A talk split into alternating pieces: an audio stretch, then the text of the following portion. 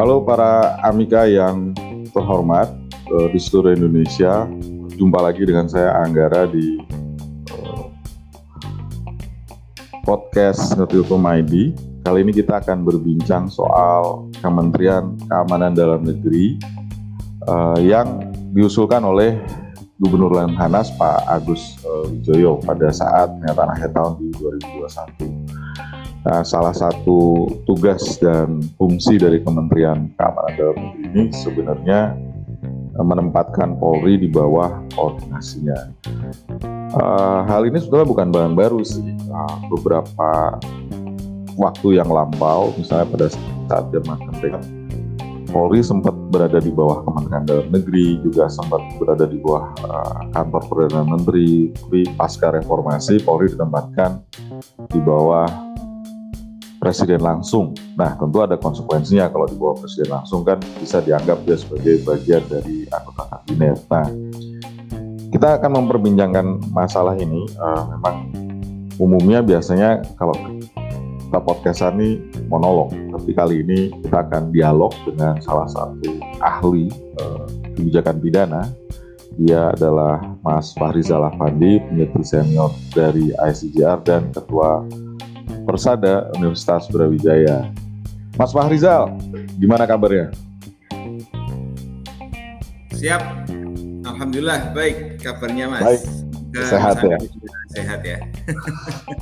Nah, Mas Fahrizal, ini kan kita uh, ada usul ya dari Gubernur Lemhanas uh, Pak Agus Wijoyo soal pembentukan Kementerian Keamanan Dalam Negeri. Nah, kita nggak akan bahas soal pembentukan Kementerian Keamanan Dalam Negeri ya, tapi menempatkan Polri di bawah koordinasi dari salah satu kementerian yang kalau sekarang ini kan Polri di bawahnya Presiden ya, dan dia di, melalui proses afirm uh, bisa persetujuan bisa juga afirmasi.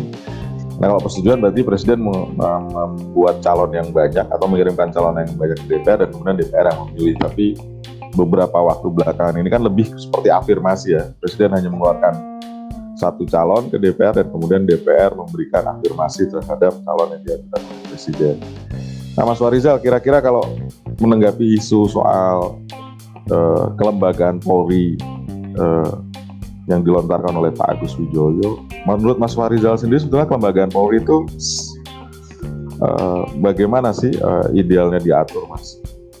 Iya, uh, isu tentang kelembagaan kepolisian ini kan isu yang lama ya sejak awal reformasi salah hmm. satu tuntutan bahkan yang kemudian dituangkan dalam TAP MPR adalah pemisahan Polri dari ABRI waktu itu.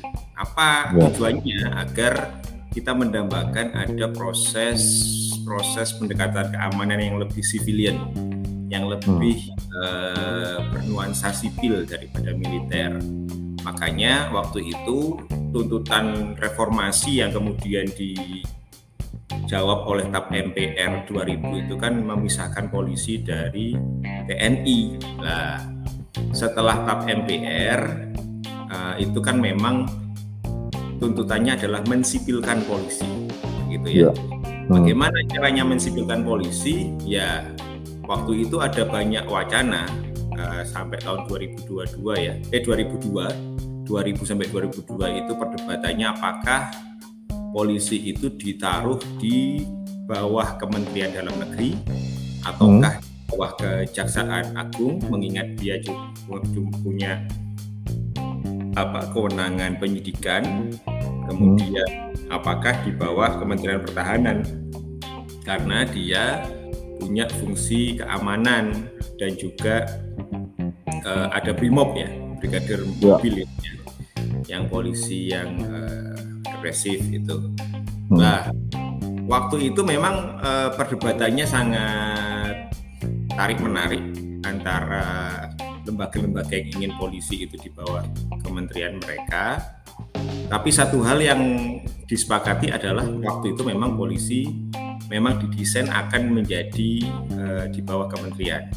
Makanya kalau kita lihat ya, sebenarnya undang-undang polisi itu kan undang-undang nomor 2 2002. Setelah ya. undang-undang 2 2002 ada undang-undang nomor 3 2002. Nomor 3 itu tentang pertahanan negara, hmm. Undang-Undang 2002 tentang pertahanan negara, Undang-Undang 2 2002 tentang kepolisian. Yang sebenarnya harusnya bukan Undang-Undang kepolisian dulu, tapi Undang-Undang Keamanan Nasional, Undang-Undang Kamnas, baru Undang-Undang Pertahanan. Tadi ini ada isu ya, pasal 30 Undang-Undang Dasar 45 yang membagi aktor pertahanan dan keamanan menjadi dua. Yang ya. pertahanan itu urusannya TNI, yang keamanan uh, urusannya polisi. Ini kan berusaha menghilangkan konsep difungsi di semua negara, ya, hampir di semua negara, Polri itu di bawah kementerian, minimal di bawah Kementerian Dalam Negeri, ya, karena urusannya dengan urusan keamanan.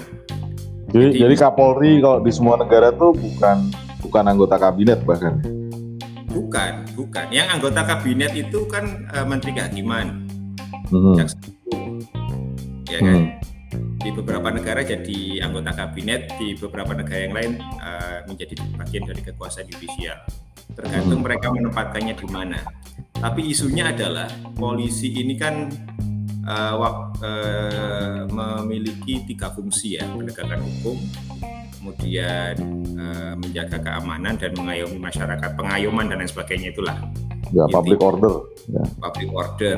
Nah untuk public ini memang kalau dari awal isunya itu kan ini harusnya dipisahkan antara law enforcement dengan uh, maintaining public order karena ya. kan uh, public order maintenance itu kan biasanya isunya isu-isu uh, soal keamanan masyarakat ya yang lebih ya. preventif ya.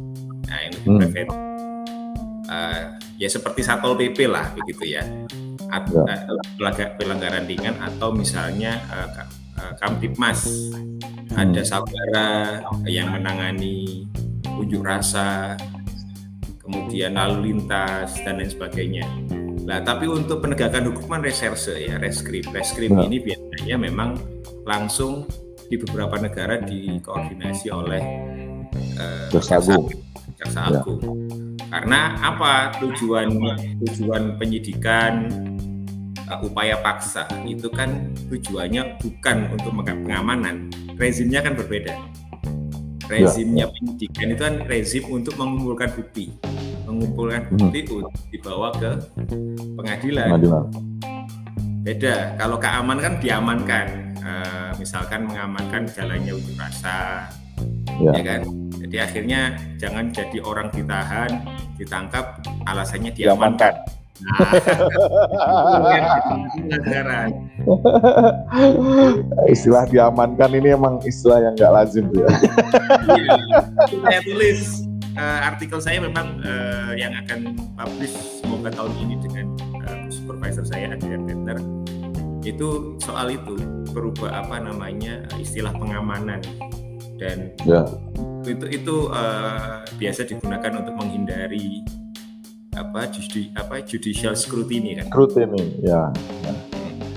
Mas Farizal, ini kan sebetulnya bukan ide baru ya. Kalau di zaman Hindia Belanda juga polisi sebetulnya uh, satuan kepolisian di masa itu memang di bawah di bawah Binland Bestur kalau saya nggak salah ingat istilahnya ya, walaupun direktur dalam negeri lah. Nah, kemudian uh, fungsi reserse kriminal memang di bawahnya prosecutor jenderal uh, uh, ya di ini bukan isu-isu baru sebetulnya tapi uh, kenapa ini begitu apa ya uh, di, dimunculkan oleh Gubernur Lemhanas dan kemudian direspon kalau responnya sih saya rasa banyak lebih banyak negatif ketimbang ketimbang positif ya misalnya menahan diri untuk ya mungkin perlu ada kajian terlebih dahulu apa dan segala macam kenapa kenapa muncul responnya ini? Pertama, yang saya mau tanya, kenapa isunya justru dilontarkan oleh Gubernur Lemhanas? Kalau mungkin uh, Mas Farizal punya pendapat uh, why gitu ya, dan kenapa kemudian responnya begitu negatif terhadap sebetulnya isu yang sebetulnya bukan hal baru dalam dalam perjalanan sejarah kepolisian. Iya, jangankan kita nggak usah jauh-jauh ke kolonial ya. Kalau kita baca di apa namanya uh, butir program aksi, aksi Jokowi JK pertama kali dulu kan salah satu butir programnya itu menempatkan polisi di bawah kementerian. Oh, nggak usah, oh, jauh-jauh, iya. usah jauh-jauh. Nawacita ke, dulu ya. Nawacita awal dulu kan salah satu programnya kan menempatkan Polri di bawah kementerian.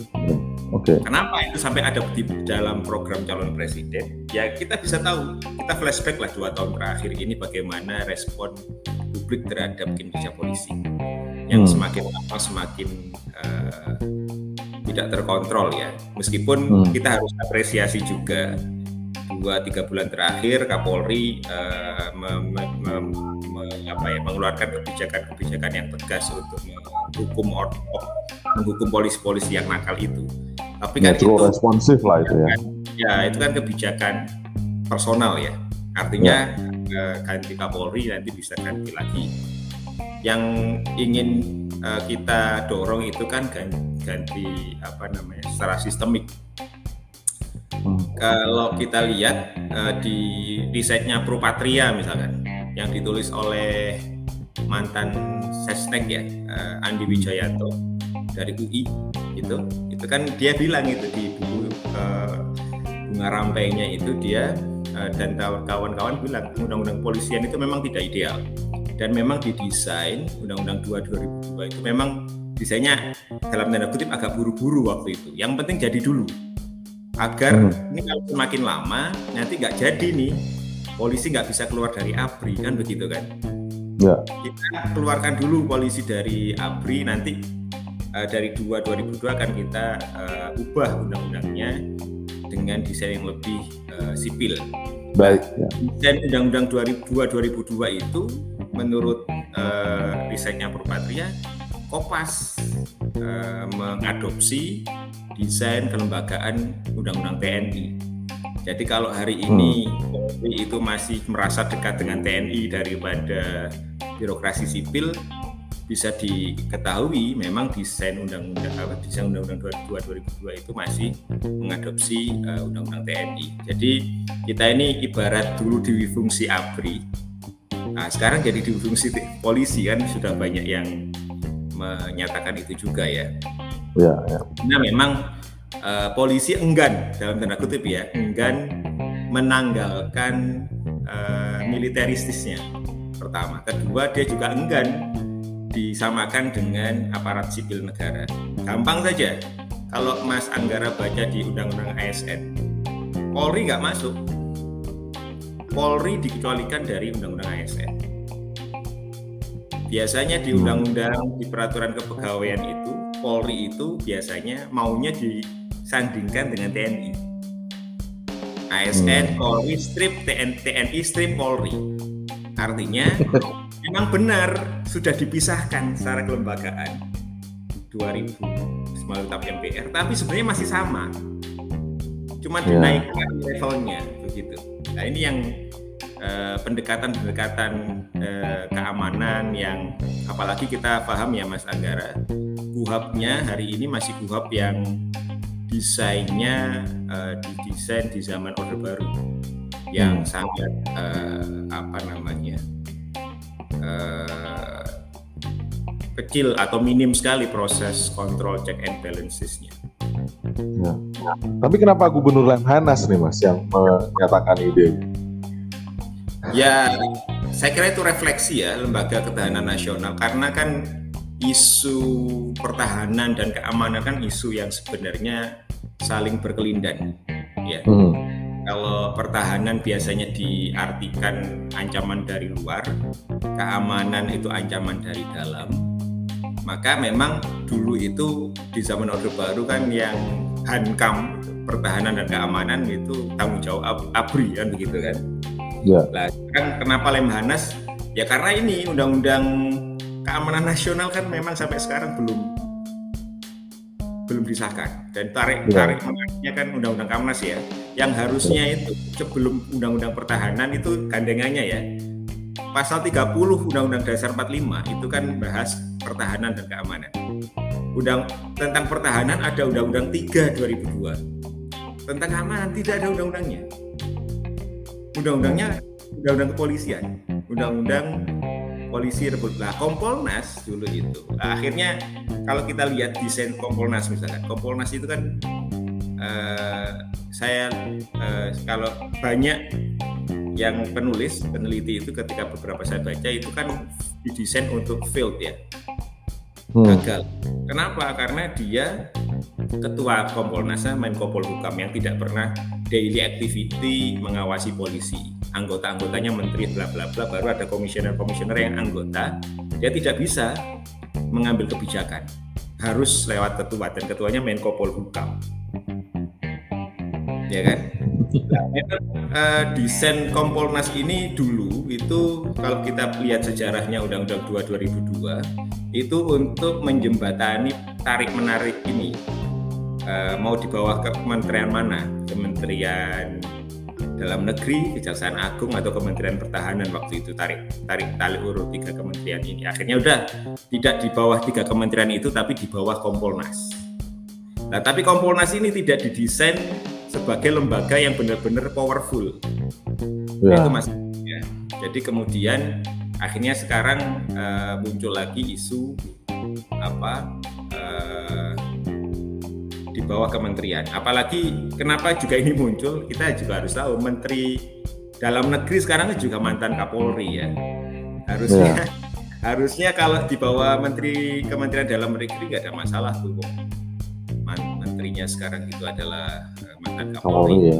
Tapi itu punya konsekuensi nggak mas? Misalnya uh, kalau kalau misalnya Polri itu di bawah Kementerian Dalam Negeri, artinya kan Kapolda Kapolda juga dia harusnya di bawah gubernur ya atau uh, kepala kepolisian di daerah-daerah ya uh, uh, di bawah wali kota, bupati atau gubernur. Ada ada konsekuensi ke arah situ gitu. Ya kan nggak harus mas. Kayak misalkan sekarang uh, Dirjen Pas itu kan di bawah Dirjen Pas dan HAM. Di daerah-daerah kan ada kantor wilayah Kementerian Hukum dan HAM yang apa namanya tidak tunduk pada gubernur kan. Hmm. Artinya uh, untuk urusan keamanan saya saya uh, mungkin bisa dicek ya apakah urusan keamanan nasional itu bisa didelegasikan atau tidak.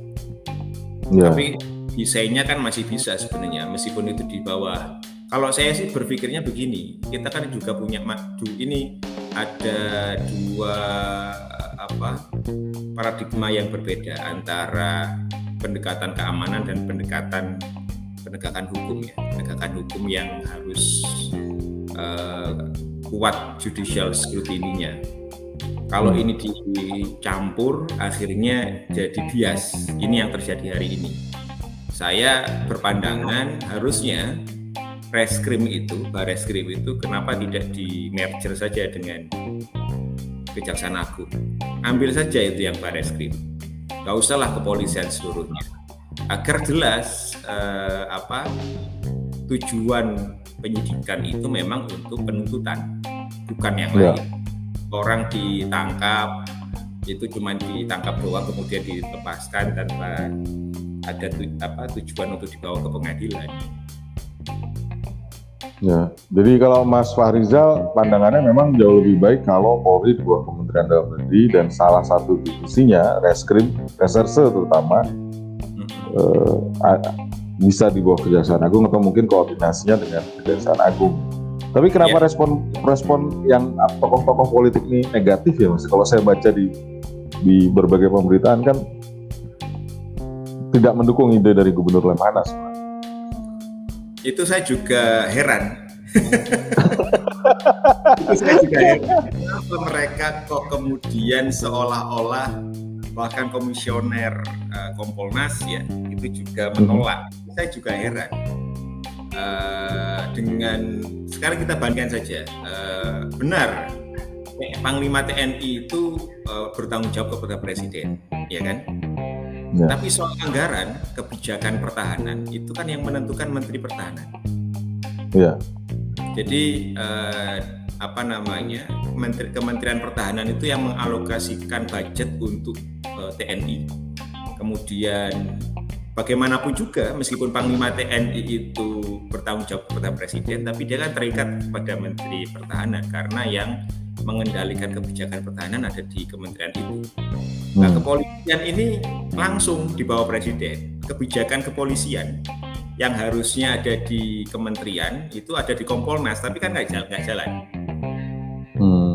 Ya kan? Kalau kita pakai komparasi dengan TNI saja, TNI hmm. itu tiga angkatan, mas, ya tiga angkatan, angkatan darat, laut, dan udara. Dia uh, memang di bawah Panglima TNI ada kepala staf, kepala stafnya. Hmm. Itu uh, dia Panglima TNI memang dipilih oleh Presiden dan apa bertanggung jawab kepada Presiden, mirip dengan Kapolri. Tapi jangan lupa kebijakan pertahanan itu ada di Kementerian Pertahanan. Anggaran yang uh, nomor dua ya, nomor satu, nomor dua terbesar APBN itu kan di pertahanan. Hmm. Infrastruktur ya, infrastruktur, kemudian kalau nggak salah pertahanan, dan kepolisian itu nomor tiga atau nomor empat. Jadi ya. kepolisian ini uh, menentukan sendiri kebijakannya dan anggarannya mereka tentukan sendiri. Oh. Padahal kan harus uh, ini harus match ya. Keamanan ini untuk apa? Keamanan ini kan untuk menjalankan memastikan jalannya pemerintahan secara baik. Makanya di semua negara yang namanya polisi itu mendukung uh, kerja kerja pemerintah di bawah Kementerian Dalam Negeri. Ketika kemudian uh, terkait dengan penegakan hukum, ya mereka disupervisi, disupervisi oleh uh, attorney, attorney general atau prosecutors prosecution office gitu.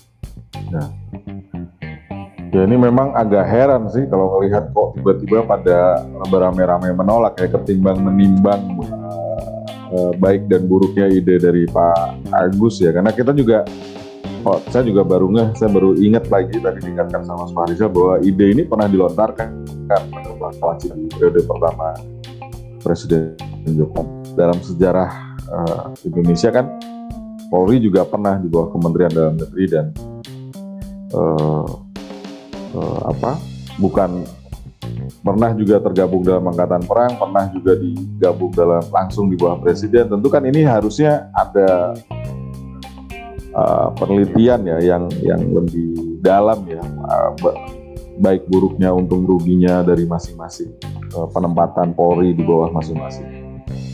Kalau penelitiannya udah banyak mas, penelitiannya Jackie ya. Baker ada, kemudian hmm. ada teman di LIPI itu yang juga meneliti kepolisian. Nah, beberapa saya juga baca ya, uh, peneliti LIPI itu seperti si, aduh saya lupa namanya. Uh, ada dua perempuan dan satu lagi pengamat uh, pertahanan pertahanan dan keamanan isu, isu pertahanan dan keamanan ini kan saling berkelindan ya jadi biasanya dan itu orang, semua dan, dan itu semua penelitian-penelitian itu menunjukkan bahwa sebaiknya memang Polri di bawah Kementerian Dalam Negeri. Ya paling tidak uh, Polri itu di bawah kementerian, tidak langsung uh, di bawah presiden. Agar oh, okay. begini, uh, saya juga baru baca kemarin ada artikel menarik dari pakar hukum acara pidana ya. Ternyata is, uh, kalau Packer itu kan me, me, mengkontras, mengkontraskan dual apa due proses itu dengan crime control ya. Ini yeah. ada tulisan yang mengkontraskan du, namanya due process model dengan the police model. Jadi, police model di sini adalah uh, apa? Dual process model itu uh, apa namanya uh, mewakili Rechtsstaat, rule of law dan negara hukum Polis hmm. medali, polis model ini mewakili polisi stat, makstat dan lain sebagainya atau rule by law itu. Jadi uh, itu menarik kalau kita lihat uh, beberapa teori yang mengemuka ya. Jadi memang uh, tujuan me, kenapa sih isu keamanan ini harus di menjadi penting ya dan harus dipisahkan secara tegas ada garis demarkasi antara keamanan isu keamanan dan isu penegakan hukum. Hmm tidak seperti sekarang kayak gaduh-gaduh begitu. saya lama-lama serem. Saya lama-lama lebih serem saya ketimbang yang jadi narasumber jadi ngomong gini gaduh-gaduh kita ketik saya mohon maaf ya. Tapi ya apa apa pun itu ya dari ide-ide Pak Agus sebetulnya dan hasil-hasil penelitian yang ada mungkin baik bagusnya sih para pengambil kebijakan politik juga mau mau merespon ini mungkin tidak dengan cara yang negatif tapi melihat kembali mereview kembali secara hati-hati dan minimal ada semacam peta jalan mungkin ya mas ya uh, ke arah reformasi Polri yang jauh lebih sivilian. Uh, ya, ya, uh, ya. Uh, satu tahun kemarin kan menunjukkan ya bagaimana kemudian kritik besar ya. Kritik mengemuka dan menjadi arus utama di masyarakat terhadap polisi.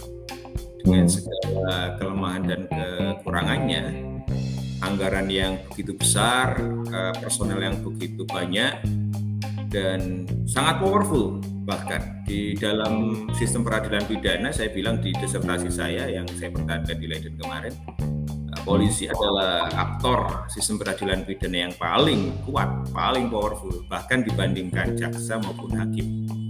Kalau dibanding KPK? Apalagi KPK kan uh, dipimpin oleh jenderal polisi. Kan KPK sekarang masa ini bahaya betul nih nyerempetnya ini.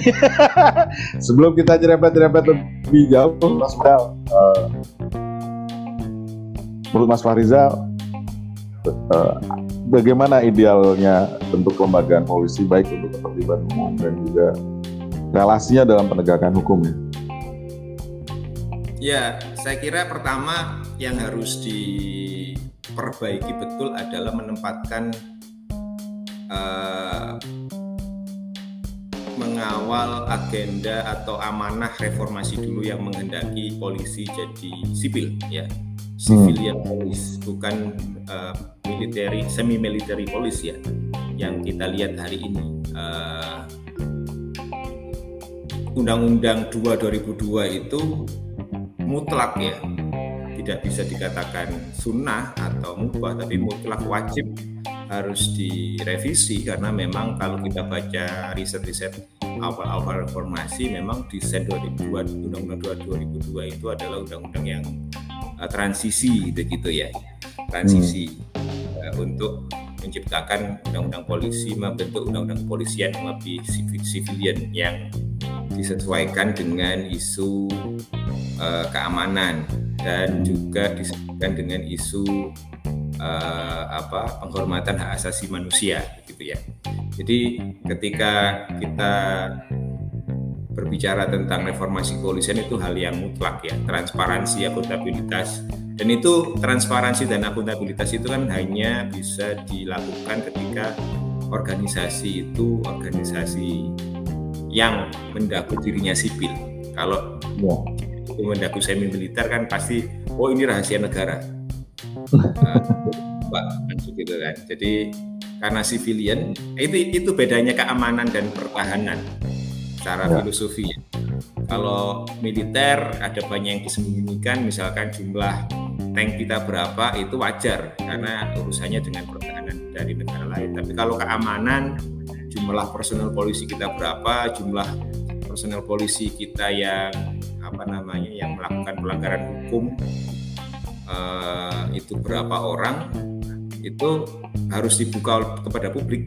Misalkan ya polisi yang melakukan pelanggaran eh, apa dihukum seperti apa apakah di demosi ditempatkan ke mana itu kan publik juga harus tahu. Karena ini menyangkut menyangkut keamanan mereka gitu ya, ya. jadi memang, memang eh, saya berpandangan kepolisian yang eh, saya mencintai polisi. Maksudnya kita butuh polisi karena kita butuh dijamin rasa keamanannya. Dan polisi adalah eh, alat negara yang menjamin keamanan itu. Tapi lagi-lagi harus diperkuat uh, proses check and balancesnya.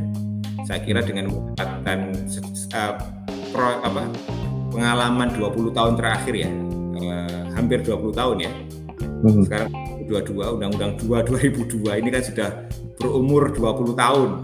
Artinya 20 tahun ini kan sudah kelihatan apakah dengan desain sekarang ini polisi lebih baik daripada dulu. Uh, apakah ada jaminan hak asasi manusia yang lebih baik di apa di, di, di apa menjadi layanan utama publik? Itu kan banyak masih banyak keluhan ya. Jadi hmm. saya kira PR-nya adalah uh, lontaran dari usulan dari Gubernur Lemhanas itu jangan buru-buru kemudian ditolak, tapi harus dikaji betul begitu ya dan saya yakin karena disampaikan oleh Gubernur Lemhanas, hmm. kalau dan Gubernur Lemhanas ini pasti telah diikuti oleh kajian, apalagi uh, Lemhanas ya. Lemhanas itu kan orang mau ting, lembaga think tank negara, hmm. lembaga lembaga think tank negara ketika dia me, berani sampai me, apa seorang pimpinan Lemhanas mengatakan bahwa harus kepolisian ini di bawah kementerian itu kan pasti dia melihat fenomena tahun 2021 kemarin ya. ya. Uh, polisi banyak dikritik, ada tagar percuma lapor polisi dan lain sebagainya dan lain sebagainya itu kan pasti saya yakin pasti berkaitan dengan usulan Lemhanas ini. Gitu mas. Oke. Okay. Oke, okay, terima kasih Mas Farizal buat diskusi yang menarik. Udah ngobrol-ngobrol panjang nih 30 menit lebih soal ideal mencari format ideal posisi kelembagaan Polri ya. Uh, mudah-mudahan sih apa yang disampaikan oleh Pak Agus Wijoyo dan juga Mas Farizal dan juga beberapa hasil-hasil penelitian itu bisa jadi masukan dan rekomendasi yang berharga buat para uh, apa pembentuk undang-undang terutama dan juga uh, politik uh, para pimpinan politik baik di partai-partai politik ataupun di pemerintahan Presiden Jokowi pada saat ini. Terima kasih Mas Farizal atas uh, diskusi yang menarik. Kita ketemu lagi di uh, lain kesempatan ya. Assalamualaikum warahmatullahi wabarakatuh. Sampai ketemu lagi Mas. Terima kasih Mas Anggara.